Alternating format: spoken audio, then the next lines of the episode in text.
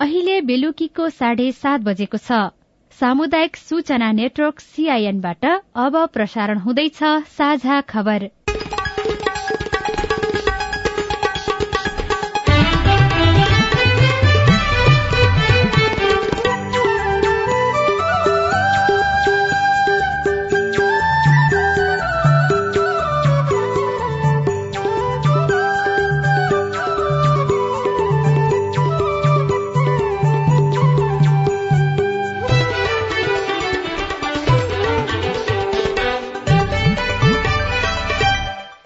सीआईएनको साझा खबरबाट सोभिता रिसालको नमस्कार। साझा खबर देशभरिका सामुदायिक radio CIN Khabar dot com सीआईएनको फेसबुक पेज र मोबाइल एप सीआईएनबाट पनि सुन्न सकिन्छ।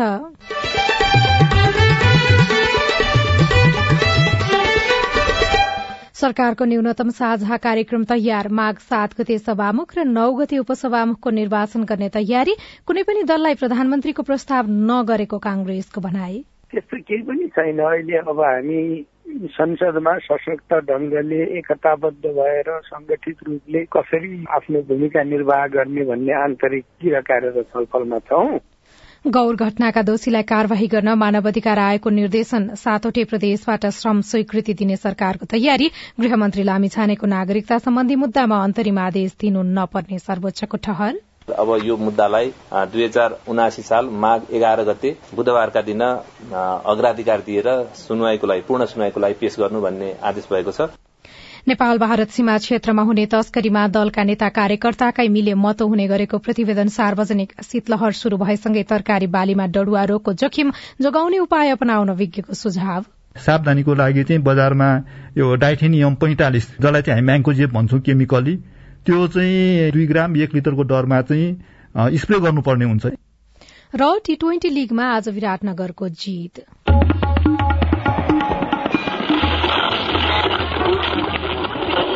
सयौं रेडियो। हजारौं रेडियो कर्मी र करोड़ौं नेपालीको माझमा यो हो सामुदायिक सूचना नेटवर्क सीआईएन मध्य पहाड़ी क्षेत्रलाई राजमार्गले पूर्व पश्चिम जोड्ने उद्देश्यले दुई हजार चौसठी पैंसठी सालमा मध्य पहाड़ी लोकमार्गको घोषणा भएको थियो। दुई हजार अडसठी सालमा यो लोकमार्गलाई राष्ट्रिय गौरवको आयोजना घोषणा गरियो जस अनुसार चालू आर्थिक वर्षभित्र नै लोकमार्गको निर्माण सकिसक्नु पर्नेछ तर समयमा नै काम गर्दा पनि अबको बाँकी अवधिमा लोकमार्ग निर्माणको काम सकिँदैन।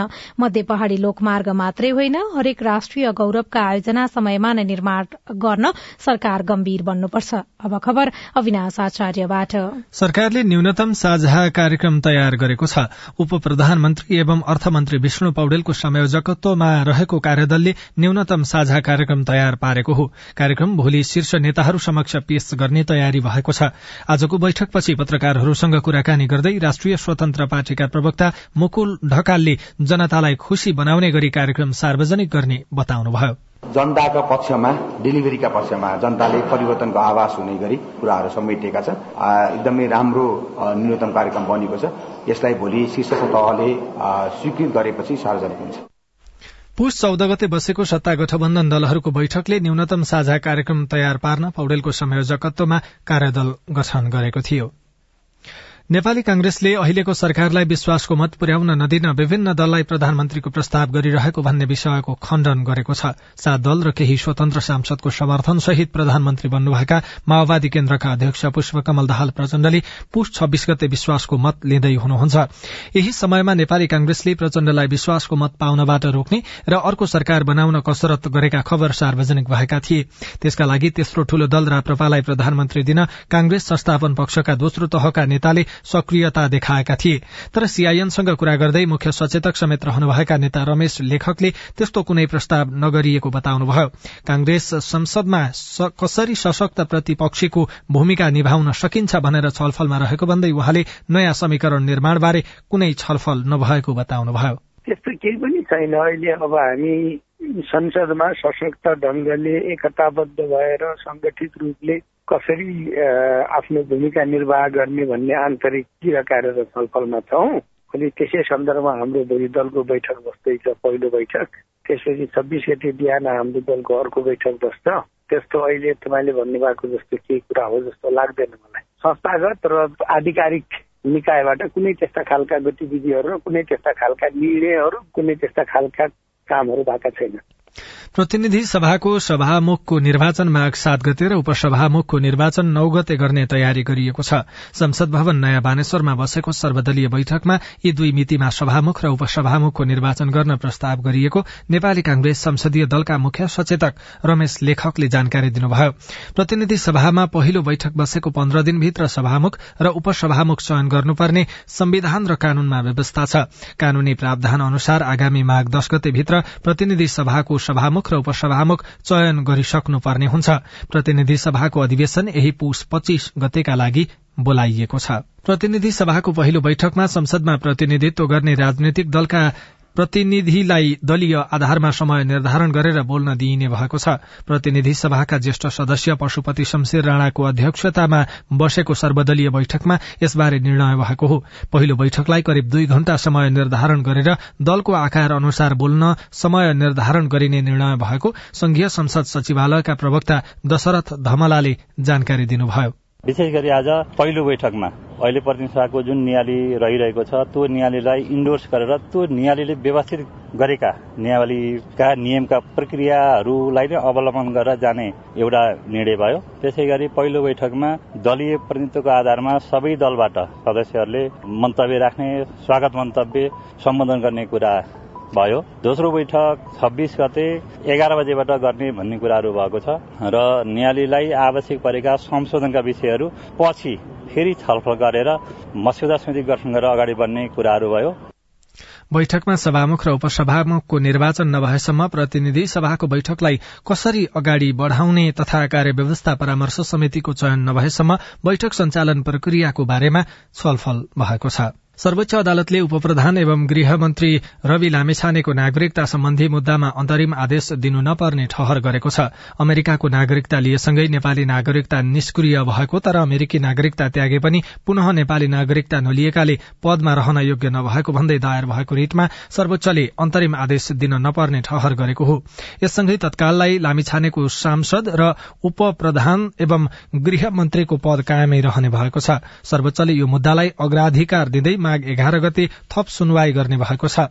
यो सुनवाईपछि अदालतले अन्तिम फैसला गर्ने प्रवक्ता विमल पौडेलले बताउनुभयो। अब यो मुद्दालाई दुई हजार उनासी साल माघ एघार गते बुधबारका दिन अग्राधिकार दिएर सुनवाईको लागि पूर्ण सुनवाईको लागि पेश गर्नु भन्ने आदेश भएको छ। त्यसै गरी आजको यो आदेश पश्चात सबै कागजातहरू मिसिलहरू जहाँ अध्ययन अनुसन्धान यो विषयमा चाहिँ भएका सबै कुराहरू चाहिँ यथाशीघ्र झिकाई सात दिनभित्र झिकाई संलग्न गरी पेश गर्नु र यो मुद्दा सुनवाईका बेलामा स्थगित नहुने सूचना निवेदक तथा विपक्षीलाई जानकारी गराई त्यसको पेशी चढ़ाउनु भन्ने खालको पनि आदेश भएको कुरा म निवेदन गर्न चाहन्छु। रिटमा नेपाली नागरिकता कायम नरहेकाले मुद्दाको किनारा नलागेसम्म लामिछानेलाई सांसदको रूपमा काम गर्न नदिन अन्तरिम आदेश माग गरिएको थियो।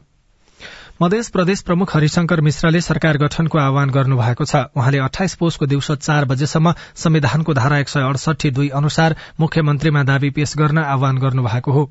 मध्य प्रदेशमा कुनै दलको बहुमत नभएकाले दुई भन्दा बढ़ी दलको समर्थनमा बहुमत प्राप्त प्रदेशसभा सदस्यलाई मुख्यमन्त्रीमा दावी पेश गर्न मिश्रले आह्वान गर्नु भएको छ। सरकारले सातवटै प्रदेशबाट श्रम स्वीकृति सेवा प्रदान गर्ने तयारी गरेको छ। यसअघि काठमाडौँ सहित वैदेशिक रोजगार कार्यालय पोखरा र बुटवलबाट संस्थागत व्यक्तिगत र पुनः श्रम स्वीकृति सेवा प्रदान हुँदै आएकोमा पर्सीदेखि श्रम तथा रोजगार कार्यालय विराटनगर र जनकपुरबाट पनि श्रम स्वीकृति प्रदान हुने वैदेशिक रोजगार विभागले जनाएको छ। यसअघि पुनः श्रम स्वीकृति मात्रै दिँदै आएका यी कार्यालयबाट पर्सीदेखि संस्थागत र व्यक्तिगत श्रम स्वीकृति प्रदान गरिने भएको हो। विभागका अनुसार श्रम तथा रोजगार कार्यालय सुर्खेत र कैलालीको धनगढ़ीबाट पनि पुनः श्रम स्वीकृति र व्यक्तिगत श्रम स्वीकृति प्रदान हुन थालेको छ। यो सँगै अब सातवटै प्रदेशबाट सबै खाले श्रम स्वीकृति लिन सकिने व्यवस्था भएको विभागका निर्देशक तथा सूचना अधिकारी कृष्ण प्रसाद भूषालले सीआईएनसँग बताउनुभयो। शीतलहर शुरू भएसँगै तरकारी बालीमा डडुवा रोगको जोखिम बढ़ने विज्ञहरूले बताएका छन्। जाडोयाममा तराईमा देखिने शीतलहरले तरकारी खेतीमा डडुवा रोग देखा पर्न सक्ने भएकाले बेलैमा ख्याल गर्न विज्ञले सुझाव दिएका हुन्। दिनभरि लाग्ने होस्सो र कोहिरोका कारण तरकारी खेतीमा डडुवा रोगको जोखिम बढ़ने राष्ट्रिय बागवानी केन्द्र खुमलटारले जनाएको छ। सीआईएनसँग कुराकानी गर्दै केन्द्रका प्रमुख सुरेन्द्र लाल श्रेष्ठले डडुवा रोगको प्रकोपबाट तरकारी जोगाउन बेलैमा ध्यान दिनुपर्ने बताउनुभयो। घाम कम लाग्ने शीतलहर चाहिँ सुरुवात हुने त्यस्तो अवस्था भयो भनेदेखि कृषक दाजुभाइहरूले चाहिँ विशेष ध्यान दिनुपर्ने हुन्छ। आलु गोलबेरा भन्टा खुर्सानी सुर्ती यसमा यो दडुवा रोगको लागि हामीले तयारी भएर बस्नुपर्छ भन्नुको मतलब शीतलहर चलिहाल्यो र त्यहाँ हामीसँग चाहिँ दडुवा रोग कहीँ कतै छ भने तुरन्तै फैलिने हुनसक्छ। एक हप्तामै पुरै चाहिँ खेतभरि बारीभरि फैल्न सक्ने हुनाले त्यस्तो अवस्थामा सिंचाइ चाहिँ अलिक कम गर्नु पर्यो किन भन्दाखेरि सिंचाइ गरिसकेपछि सापेक्षिक आर्द्रता बढ्छ। सावधानीको लागि चाहिँ बजारमा यो डाइथेनियम पैँतालिस जसलाई चाहिँ हामी म्याङ्कोजेप भन्छौँ केमिकली त्यो चाहिँ दुई ग्राम एक लिटरको दरमा चाहिँ स्प्रे गर्नुपर्ने हुन्छ। र अब सिटलर चलिहाल्यो धेरै दिनसम्म चाहिँ घाम लागेन भनेदेखि त्यो अवस्थामा योभन्दा अलिकति कडा खालको अहिले बजारमा चाहिँ यो म्याङ्कोजेब र मेटाल्याक्सिल मिसिएको चाहिँ क्रिल्याक्सिलहरू पाइन्छ क्रिल्याक्सिल क्रिनोक्सिल भन्ने। यो चाहिँ एक लिटर पानीमा डेढ ग्राम एक पोइन्ट पाँच ग्रामको दरले मिसाएर चाहिँ छर्नुपर्ने हुन्छ। साझा खबरमा अब विदेशको खबर। टर्कीका राष्ट्रपति रेसेप तैयब एर्दोगानले रूसी राष्ट्रपति भ्लादिमिर पुटिनलाई युक्रेनमा एकतर्फी युद्धविराम घोषणा गर्न आह्वान गर्नुभएको छ। राष्ट्रपति एर्दोगानले शान्ति र वार्ताका लागि गरिएका आह्वानलाई एकपक्षीय युद्धविराम र निष्पक्ष समाधानका लागि समर्थन गर्नुपर्ने बताउनु भएको हो। एर्दोगानले युक्रेनका राष्ट्रपति भलोदिमिर जेलेन्स्कीसँग टेलिफोन वार्ता गर्ने कार्यक्रम तय गरिएको छ। टर्कीका नेताले मस्को र किवी दुवैसँग आफ्नो राम्रो सम्बन्धलाई युद्ध अन्त्यका लागि मध्यस्थता गर्न प्रयोग गरेका छन्। साझा खबरमा अब खेल खबर नेपाल टी ट्वेन्टी लीगमा विराटनगर सुपर किङ्सले फार वेस्ट युनाइटेडलाई पराजित गरी प्ले अफमा सम्भावना कायमै राखेको छ। फार वेस्टलाई विराटनगरले तीन रनले पराजित गरेको हो। टियु मैदानमा विराटनगरले दिएको एक सय अडचालिस रनको लक्ष्य पछ्याएको फार वेस्टले विश्वभरमा नौ विकेट गुमाएर एक सय चौवालिस रन मात्र बनाउन सक्यो। नौ खेलमा चार जीत पाँच हार हात पारेको विराटनगरले आजको खेल जितेपछि प्ले अफको सम्भावना बलियो बनाएको छ। र बीस वर्ष मुनिको राष्ट्रिय महिला फुटबल टोलीको बन्द प्रशिक्षणबाट एघार खेलाड़ी बाहिरिएका छन्। प्रारम्भिक चरणमा रहेका एकचालिस खेलाड़ीबाट एघार जना बाहिरिएको अखिल नेपाल फुटबल संघ एन्फाले जनाएको छ। बंगलादेशको ढाकामा आयोजना हुने बीस वर्ष मुनिको साफ महिला च्याम्पियनशीपका लागि नेपाली टोलीले तयारी गरिरहेको छ।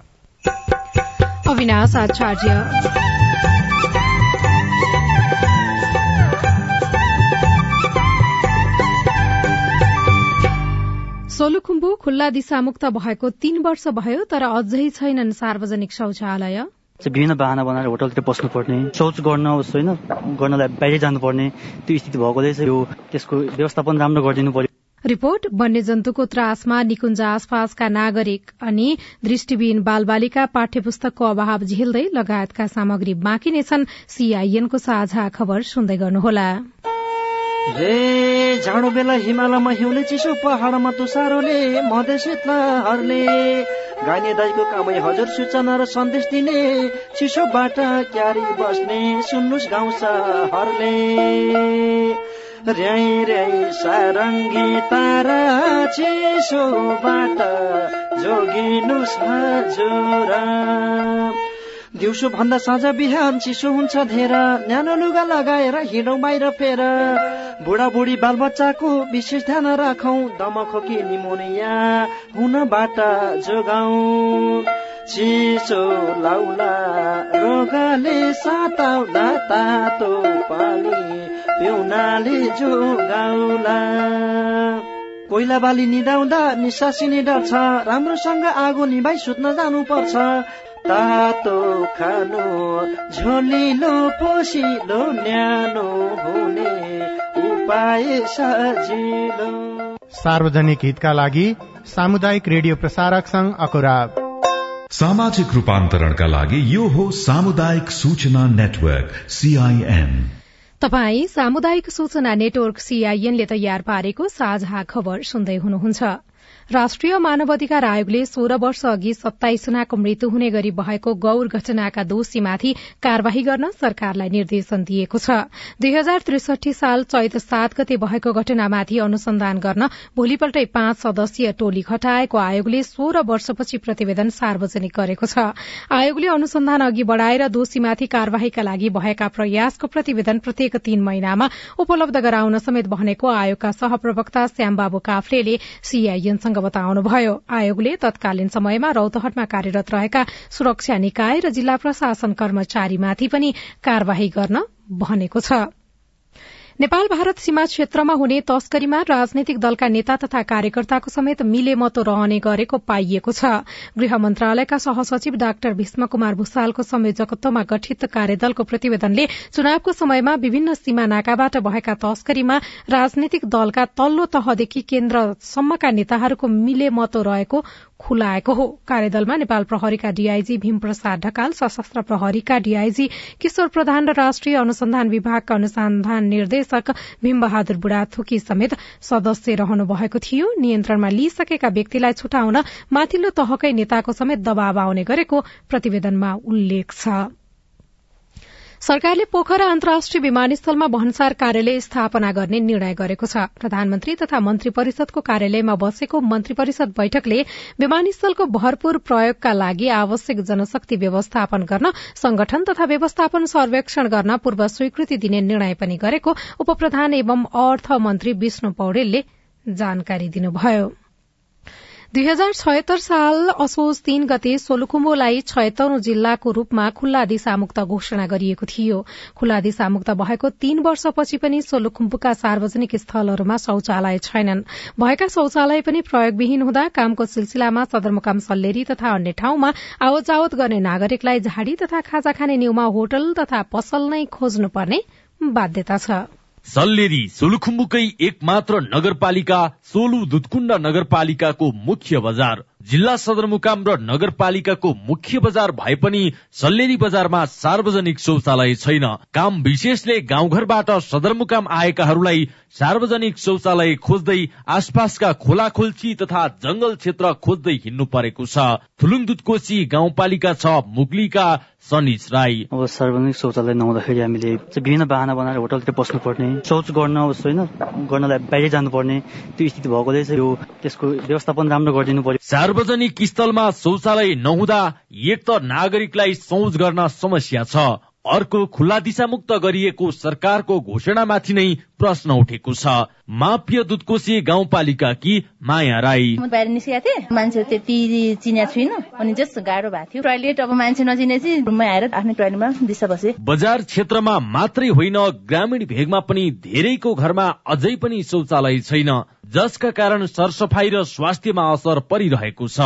सोलुखुम्बु जुबुका सागर हिङमाङ र सल्यानका अभिषेक थापा मगर। समस्या त एकदम समस्या भइहाल्छ। अब आफूलाई दिशा पिसाब गर्ने कुनै बेला अब अस्वस्थ भएको बेलामा झनै समस्या हो। स्वस्थ भएको बेलामा पनि दिशा पिसाब गर्नु पर्यो भनेदेखि व्यक्तिको घरमा गएर चाहिँ अब माग्नु पर्ने स्थिति छ। यही अब नारामै मात्रै खुल्ला दिशा मुक्त क्षेत्र सोलुखुम्बु भनेर एउटा नारा मात्रै आइरहेको देखिन्छ तर त्यसको मेन काम चाहिँ भइरहेको छैन। खुल्ला ठाउँमा दिशा पिसाब गर्दा वातावरण त प्रदूषित हुन्छ नै यसबाहेक विभिन्न स्वास्थ्य समस्या पनि देखिने गरेको छ। सल्लेरीका फुर्बा तामाङ हाम्रो यो बजारमा सार्वजनिक टोइलेट चाहिँ अहिलेसम्म कुनै पनि देखेको छैन। अब शौचालय नभएपछि यहाँको व्यवहार व्यवसाय गर्ने अब जुनैसुकै बजारमा केही सोपिङ गर्न आउनेहरूलाई पनि धेरै समस्या परेर होटलमै जानुपर्ने बाध्यता भएको छ। सल्लेरी बजार क्षेत्रमा भएको सार्वजनिक शौचालय सञ्चालनमा सोलु दुधकुण्ड नगरपालिका सकारात्मक रहेको र प्रभावकारी सञ्चालनको लागि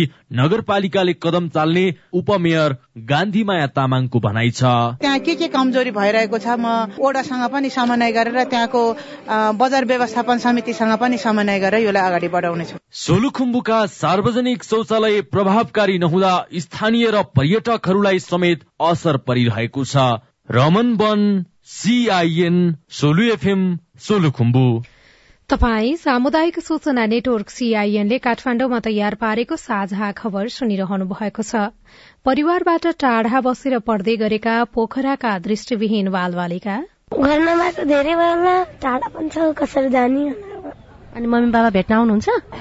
कहाँ मिल्दै मिल्दैन कति टाढा हुनुहुन्छ भेट्न आउनु दुइटा दुइटा आएखान गाह्रो हुन्छ। पाठ्य पुस्तक र शिक्षकको पनि अभाव। रिपोर्ट निकुञ्ज आसपासका बस्तीमा त्रास। लगायतका सामग्री बाँकी नै छन्। सीआईएनको साझा खबर सुन्दै गर्नुहोला।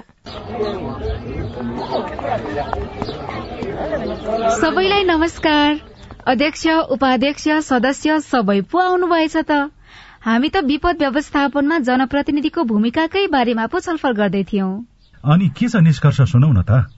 बाढ़ी पहिरो भूकम्प लगायतका विपदको समयमा महिलाका समस्या सम्बोधन गर्न पालिकाले अझ धेरै काम गर्न सक्छ भन्ने हाम्रो बुझाइरह्यो।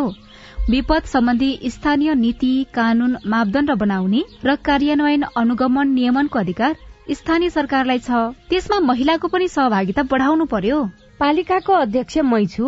पाएको अधिकार अनुसार हामी बनेको कानून कार्यान्वयन गर्ने अनि आवश्यक कानून बनाउने चरणमै छौं। अब तपाईँका सुझाव पनि समेटिन्छन् है। विपदको तयारी र प्रतिकार्यका लागि पालिकामा रहेको संयन्त्र र योजना अनि नीतिहरू महिला बालबालिका अपाङ्गता भएका यौनिक अल्पसंख्यक समुदायका व्यक्तिको आवश्यकतामा आधारित हुनु पर्यो अध्यक्षज्यू। दिदी बहिनीहरूले सही कुरा उठाउनु भयो यहाँ उठेका सबै कुरा कार्यपालिकाको बैठकमा राख्ने प्रतिबद्धता जनाउँदै बरु अध्यक्षज्यू अहिलेसम्म बनेका कानून कस्तो बने अनि भविष्यमा कस्तो बनाउने भन्ने बारे भोलि नै एउटा छलफल राखौँ न हुन्न? विपद पहिले विपदको बेला र विपद पछि कस्तो नीति बनाउने र महिलालाई कसरी सम्बोधन गर्ने भन्ने बारेमा भोलि नै सर्वपक्षीय बैठक गरौं। आएका सुझाव समेटेर बनेका कानून संशोधन र नयाँ कानून बनाउन पालिका तयार छ।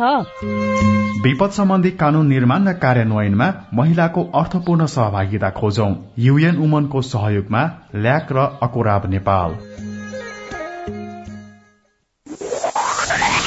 सीआईएनको साझा खबर अब नेपाली पात्रोमा पनि। स्थानीय राष्ट्रिय तथा अन्तर्राष्ट्रिय समाचार नेपाली एफएम तथा अनलाइन रेडियोहरू एकै ठाउँमा सुन्न तिथि मिथि तथा पञ्चाङ्ग सम्बन्धी सबै जानकारी लिन। अन्तर्राष्ट्रिय मुद्राको नेपाली विनिमय दर सुन चाँदीको दर भाव मौसम सम्बन्धी सूचना र सार्वजनिक विधा बारेको जानकारी लिन पनि। नेपाली पात्रो अब तपाईँको मोबाइलमा। सामाजिक रूपान्तरणका लागि यो हो सामुदायिक सूचना नेटवर्क सीआईएन तपाई सामुदायिक सूचना नेटवर्क सीआईएनले काठमाडौँमा तयार पारेको साझा खबर सुन्दै हुनुहुन्छ। नेपालमा करिब पञ्चानब्बे हजार नागरिक दृष्टिविहीन छन् जसमा बालबालिका कति छन् भन्ने यकिन तथ्याङ्क छैन। दृष्टिविहीन बालबालिका मध्ये पाँच हजार जना विद्यालय तहमा र दुई हजार जना उच्च शिक्षा अध्ययन गरिरहेका छन्। दृष्टिविहीन बालबालिकालाई पढ़ाउने विद्यालय देशभरि जम्मा एक्कासीवटा छन् तर पर्याप्त संरचना र जनशक्ति नहुँदा दृष्टिविहीन बालबालिकाले सहजै पठन पाठन गर्न सकिरहेका छैनन्।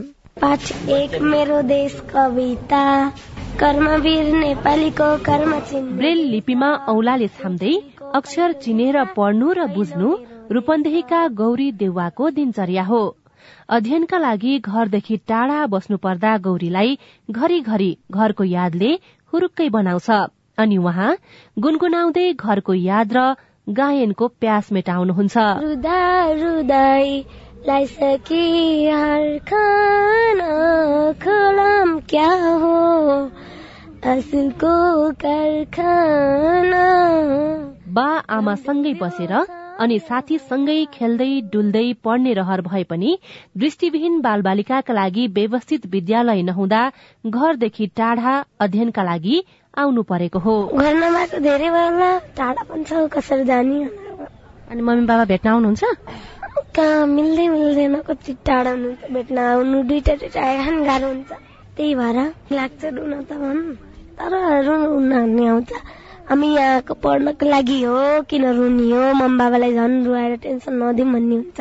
पढाइकै लागि स्याङ्जाबाट पोखरा पुग्नु पर्दा सुप्रिया ढकाल केही खुसी केही दुखी देखिनुहुन्छ।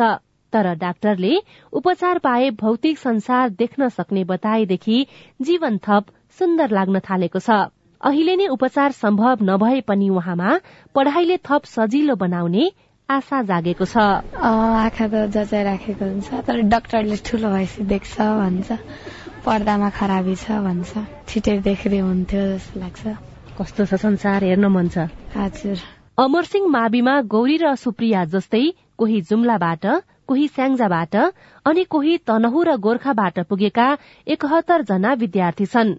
तर दृष्टिबिन विद्यालय मध्येको व्यवस्थित भनिएको यो विद्यालयमा पनि न त शिक्षक पर्याप्त छन् न त पाठ्य पुस्तक नै समयमा पुग्छ। विद्यालयमा रहेका एकहत्तर जना विद्यार्थीलाई दुईजना आयाको भर छ। विद्यार्थीलाई संगीत सिक्न मन छ तर शिक्षक छैनन्। विद्यार्थी रमेश विक। पढाइ सँगसँगै अतिरिक्त क्रियाकलापहरू पनि जस्तो कि अब सङ्गीतहरू यतातिहरू भयो भने चाहिँ रमाइलो हुन्छ राम्रो हुन्छ। यहाँ छैन? यहाँ यस्तो सङ्गीतका सामानहरू छ तर सङ्गीत सिकाउने व्यक्ति चाहिँ छैन। व्यवस्थित मानिने विद्यालयमै पर्याप्त जनशक्ति छैनन् भने अन्य विद्यालयको अवस्था अझ कमजोर छ। समस्या र अभावका बीच अमरसिंह माविले पढ़ाइको प्रबन्ध कसरी गरिरहेको छ त? शिक्षक सीता पौडेल अब सानो बच्चाहरू धेरै छन् आएकै व्यवस्था छैन धेरै छ हुनुहुन्छ नि त। अब टेनजना बराबरको एउटा आयो भने चाहिँ यहाँ त अब हुनुहुन्न दुईजना मात्रै हुनुहुन्छ। अब खाना पकाउने एकजना भान्से हुनुहुन्छ एकजनाले त्यत्रोजनालाई अब खाना बनाउनु पर्छ अरू बाहिरबाट आउने भयो भने त्रिपन्नजना त आवासीय नै हुनुहुन्छ के? गाह्रो छ नि त। दृष्टिविहीन विद्यालयहरूलाई व्यवस्थित बनाउनु पर्ने माग पटक पटक उठ्ने गरेको छ। यसबारे सरकारले के गरिरहेको छ? शिक्षा विज्ञान तथा प्रविधि मन्त्रालयका प्रवक्ता दीपक शर्मा। चाहिँ दृष्टिबिन बालबालिकाहरू पढ्ने विद्यालयहरूमा त्यसैको लागि खोलिएका विद्यालयहरूमा पनि हाम्रो भर्ना चाहिँ नि त्यहाँको क्षमता अनुसारको भर्ना चाहिँ देखिँदैन अहिले। पहिला ती विद्यालय संस्थाहरू चाहिन्छ पूर्ण क्षमतामा चल्नु पर्यो होइन? सबै बालबालिकाको आवश्यकता समेट्ने गरी चाहिन्छ। सबै बालबालिकालाई त्यस्ता विद्यालयमा ल्याउनु पर्छ। तर सबै पालिकामा त्यो विद्यालय चाहिन्छ भन्ने चाहिँ होइन। दृष्टिविहीन बालबालिकाका लागि विद्यालयका पूर्वाधारदेखि पाठ्य पुस्तक समेत व्यवस्थित र पर्याप्त हुन आवश्यक छ। सरकारले यस्ता विद्यालयको स्तरोन्नति गरे शिक्षाको उज्यालो खोज्दै घरबाट टाढा पुग्न बाध्य बालबालिकाको वर्तमान र भविष्य सहज हुने थियो। सुशीला श्रेष्ठ सीआईएन पोखराका दृष्टिविहीन बालबालिकाले सहजै पठन पाठन गर्न पाएका छैनन्। अनि चितवनका नागरिक भने निकुञ्जकै कारण सहज जीवन बिताउन पाइरहेका छैनन्। संरक्षण बढ़ेसँगै चितवन राष्ट्रिय निकुञ्जमा बाघ भालु गैंडा हात्ती बँदेल लगायतका वन्यजन्तुको संख्या बढ़दै गएको छ। तर वन्यजन्तुको बढ़दो संख्याले निकुञ्ज आसपासका बस्तीहरूमा त्रास पनि बढ़ाएको छ। जंगली जनावरको आक्रमणबाट परिवारका सदस्य गुमाएकाहरू राज्यबाट उचित क्षतिपूर्ति नपाएको गुनासो गर्छन्। चितवनको रत्ननगर नगरपालिका सातका सरस्वती चौधरीले वन्यजन्तुको आक्रमणबाट सासू ससुरा गुमाउनु पर्यो। उहाँलाई कति बेला बस्तीमा जनावर पस्लान् क्षति पुर्याउलान् भन्ने चिन्ता लागिरहन्छ। ठूलो ससुरालाई त्यो गैडाले मार्यो अनि त्यसपछि सासूलाई मामाको छोरीले नन्द भन्ने भनौँ न उहाँलाई चाहिँ बाघले मार्यो अनि यस्तै दुई वर्षको जति होला बच्चा त्यो के अरे हात्तीले नि गाउँमा चाहिँ सानो बच्चालाई मार्यो अनि गैँडाले चाहिँ त्यो के अरे भैँस चराउँदाखेरि यही चौरमा ठुलो सासुरालाई मार्यो अनि सासूलाई त्यो के अरे स्याउला काट्न जाँदाखेरि राष्ट्रिय निकुञ्ज आसपासका बस्तीमा वन्यजन्तुको आक्रमणको समस्या निकै पुरानो हो। तीन दशक अघि भालुको आक्रमणबाट घाइते भएका सत्तरी वर्षका चित्रबहादुर चम्रकार समस्या समाधानमा पहल नभएको गुनासो गर्नुहुन्छ। कति बेला के हुन्छ भन्ने कुरो अहिले सरसाउँदै देखिएको छ। हिँड्दा हिँड्दा के हुन्छ भन्ने कुरो थाहा छैन। मर्न नि सकिन्छ धेरै आन्दोलन गरियो विश्व च्यालेन्ज पनि पुग्यो। अहिले अब तपाईँको घाइतेलाई पुरा ट्रिटमेन्ट गराइदिने खर्च गर्ने खर्च मृतकलाई दस लाख रुपियाँ। चितौन राष्ट्रिय निकुञ्जको तथ्याङ्क अनुसार आर्थिक वर्ष दुई हजार अठहत्तर उनासीमा वन्यजन्तुको आक्रमणबाट बाइस जनाको मृत्यु भएको छ। सदस्य गुमाएका परिवारलाई राज्यले दस लाख रुपियाँ राहत दिने गरेको छ। तर पीड़ितहरू परिवारको रेखदेख र लालन पालनको जिम्मा राज्यले लिनुपर्ने बताउँछन्। तर म जस्तो घाइतेले पाउन पर्यो र अब हुने घाइतेहरूलाई पुरा ट्रिटमेन्ट हुनु पर्यो र हामी मृतकलाई दस लाख रुपियाँ दिन पनि पर्यो। वन्यजन्तुको आक्रमणबाट घाइते भएकाहरूलाई उपचार खर्च सबै राज्यले तिर्दै आएको छ। निकुञ्जले गत आर्थिक वर्षमा परिवारको सदस्य गुमाएका सात परिवारलाई दुई करोड़ बीस लाख राहत प्रदान गरेको थियो। पीड़ित परिवारको अभिभावकत्व सरकारले लिनुपर्ने भन्ने विषयमा आफूहरूले पनि पहल गरिरहेको बताउनुहुन्छ। राष्ट्रिय प्रकृति संरक्षणको जैविक विविधता संरक्षण केन्द्र सौराहाका कार्यालय प्रमुख बाबुराम लामिछाने। मध्यवर्ती क्षेत्र व्यवस्थापनको आएका फण्डहरूलाई पनि त्यो ह्युमन वाइल्ड लाइफ कन्फ्लिक्ट भिक्टिमलाई चाहिँ पहिलो प्राथमिकता राखेर काम गर्ने र त्यसलाई चाहिँ पहिलो बेनिफिसियरी बनाउने हिसाबले चाहिँ गर्नुपर्छ भन्ने हाम्रो पनि सुझाव रहेको छ। अहिले सायद अब नयाँ नियमहरू बन्ने क्रममा चाहिँ ती कुराहरू चाहिँ बिस्तारै बन्दै जाला। वन्य जन्तु र मानवबीचको द्वन्दका कारण दुवै पक्षतर्फ क्षति पुग्दै आएको छ। अभिभावक गुमाएका परिवारका सदस्यको रेखदेखमा गम्भीर हुनुपर्ने त छँदैछ। मानवीय क्षति न्यूनीकरणका लागि सुरक्षा प्रबन्धदेखि जनावर र मानवबीचको द्वन्द व्यवस्थापन सचेतना कार्यक्रममा समेत जिम्मेवार हुनुपर्ने देखिन्छ। Pavitra Parajuli CIN Vijay FM Nawalpur. सरकारको न्यूनतम साझा कार्यक्रम तयार भएको छ। कुनै पनि दललाई प्रधानमन्त्रीको प्रस्ताव नगरेको नेपाली कांग्रेसले दावी गरेको छ। माघ सात गते सभामुख र नौ गते उपसभामुखको निर्वाचन गर्ने तयारी भएको छ। गौर घटनाका दोषीलाई कार्यवाही गर्न मानवाधिकार आयोगले निर्देशन दिएको छ। गृहमन्त्री लामिछानेको नागरिकता सम्बन्धी मुद्दामा अन्तरिम आदेश दिनु नपर्ने सर्वोच्च अदालतले ठहर गरेको छ। र नेपाल भारत सीमा क्षेत्रमा हुने तस्करीमा दलका नेता कार्यकर्ताकै मिलेमतो हुने गरेको प्रतिवेदन सार्वजनिक भएको छ। हवस् त आजलाई साझा खबरको समय सकियो। प्राविधिक साथी सुरेन्द्र सिंहलाई धन्यवाद। भोलि पुस तेइस गते बिहान छ बजेको साझा खबरमा फेरि भेटौँला। अहिलेलाई सोभितारी साल पनि विदा हुन्छु। नमस्कार शुभरात्री।